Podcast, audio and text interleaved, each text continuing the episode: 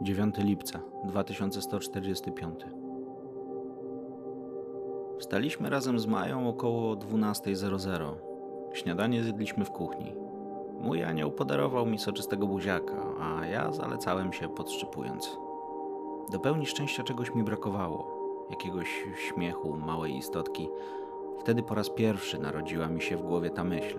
W końcu gorące lato, my dwoje i pusty dom – Pomyślałem, że z odłożonych pieniędzy mógłbym zrobić mały remont i trochę rozbudować salon albo sypialnię. Wszystko ułożyłoby się pięknie. Sytuacja w kraju była ciężka. Słyszeliśmy o zatrzymaniach i ostrym traktowaniu przez stróżów prawa, ale trzeba było żyć dalej. Zaraz po zmywaniu naczyń ktoś zapukał. Maja już wyzbyła się swojego odruchu sięgania po strzelbę, a ja beztrosko paradowałem w rozpiętej koszuli. Nie mogłem się oprzeć, by z hukiem nie otworzyć drzwi.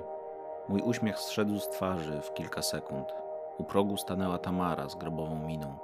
Powiedziała tylko, że nie może rozmawiać i musi natychmiast biec do biura. Nakazała bezwarunkowe pozostanie w domu rozkaz szefa. Chciałem ją zatrzymać i dowiedzieć się, co to miało znaczyć, ale uciekła tak szybko, jak się pojawiła. Na werandzie zostawiła tylko pokaźną ilość jedzenia. Trochę hodowlanego kurczaka, wędzonego łososia, którego nigdy nie jadłem, a był pyszny. Trochę sera, przypraw, pieczywa mikro, prawdziwego ryżu, kaszy, a nawet warzyw. Żałuję, że nie udało mi się złapać jej za rękę i zaciągnąć do domu. Żałuję, że nie miałem butelki chloroformu pod ręką do usypiania kości. Że nie rzuciła się na mnie tylko po to, by wciągnąć naszą trójkę w długą awanturę. Może wtedy by przeżyła. To stało się około 15.30. Strzały znów zagościły na ulicach Honclair. Tym razem wybrzmiewały bez przerwy. Czarne bałwany wyrosły nad centrum, a towarzyszące im wybuchy aż trzęsły oknami. Maja spanikowała, przestraszyła się. Znów musieliśmy zadbać o nasze bezpieczeństwo. Nie myślałem za długo. Pobiegłem do sypialni po materac, etiuna i kilka drobiazgów. Maja już wiedziała, co robić, więc zgarnęła z kuchni wszystko, co pożyteczne.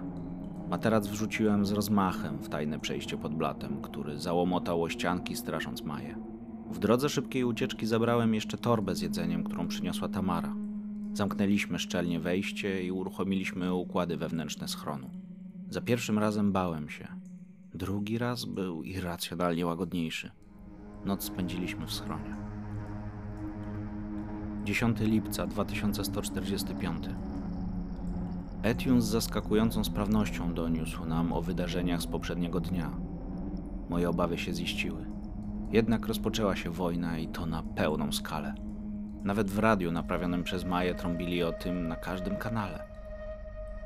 Postanowiliśmy z Mają opuścić na chwilę nasz bezpieczny schron.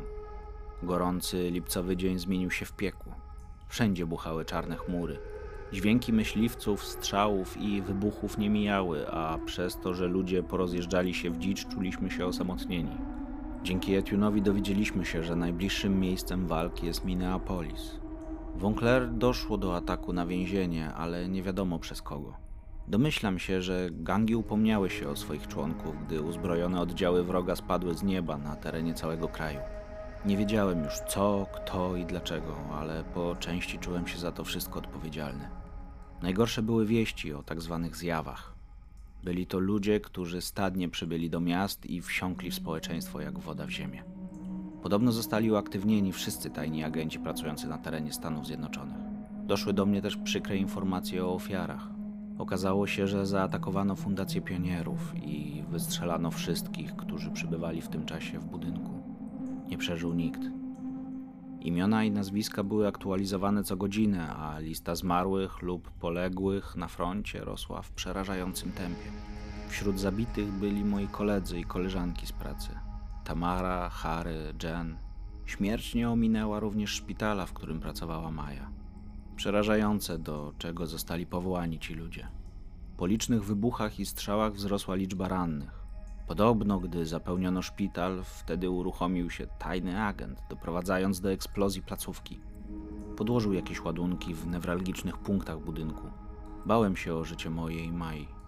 Nasze osiedle było niby na odludziu, daleko od strategicznych pozycji, ale nie mogliśmy być pewni niczego w stu procentach. Nie spodziewałem się, że jako kraj staniemy się celem głównego ataku. Zostałem w salonie i wyglądałem przez zasłonki. Maja siedziała na wejściu do schronu i wyczytywała kolejne mrożące krew w żyłach informacje aż do samego upalnego wieczoru. W pogotowiu trzymałem naładowaną broń.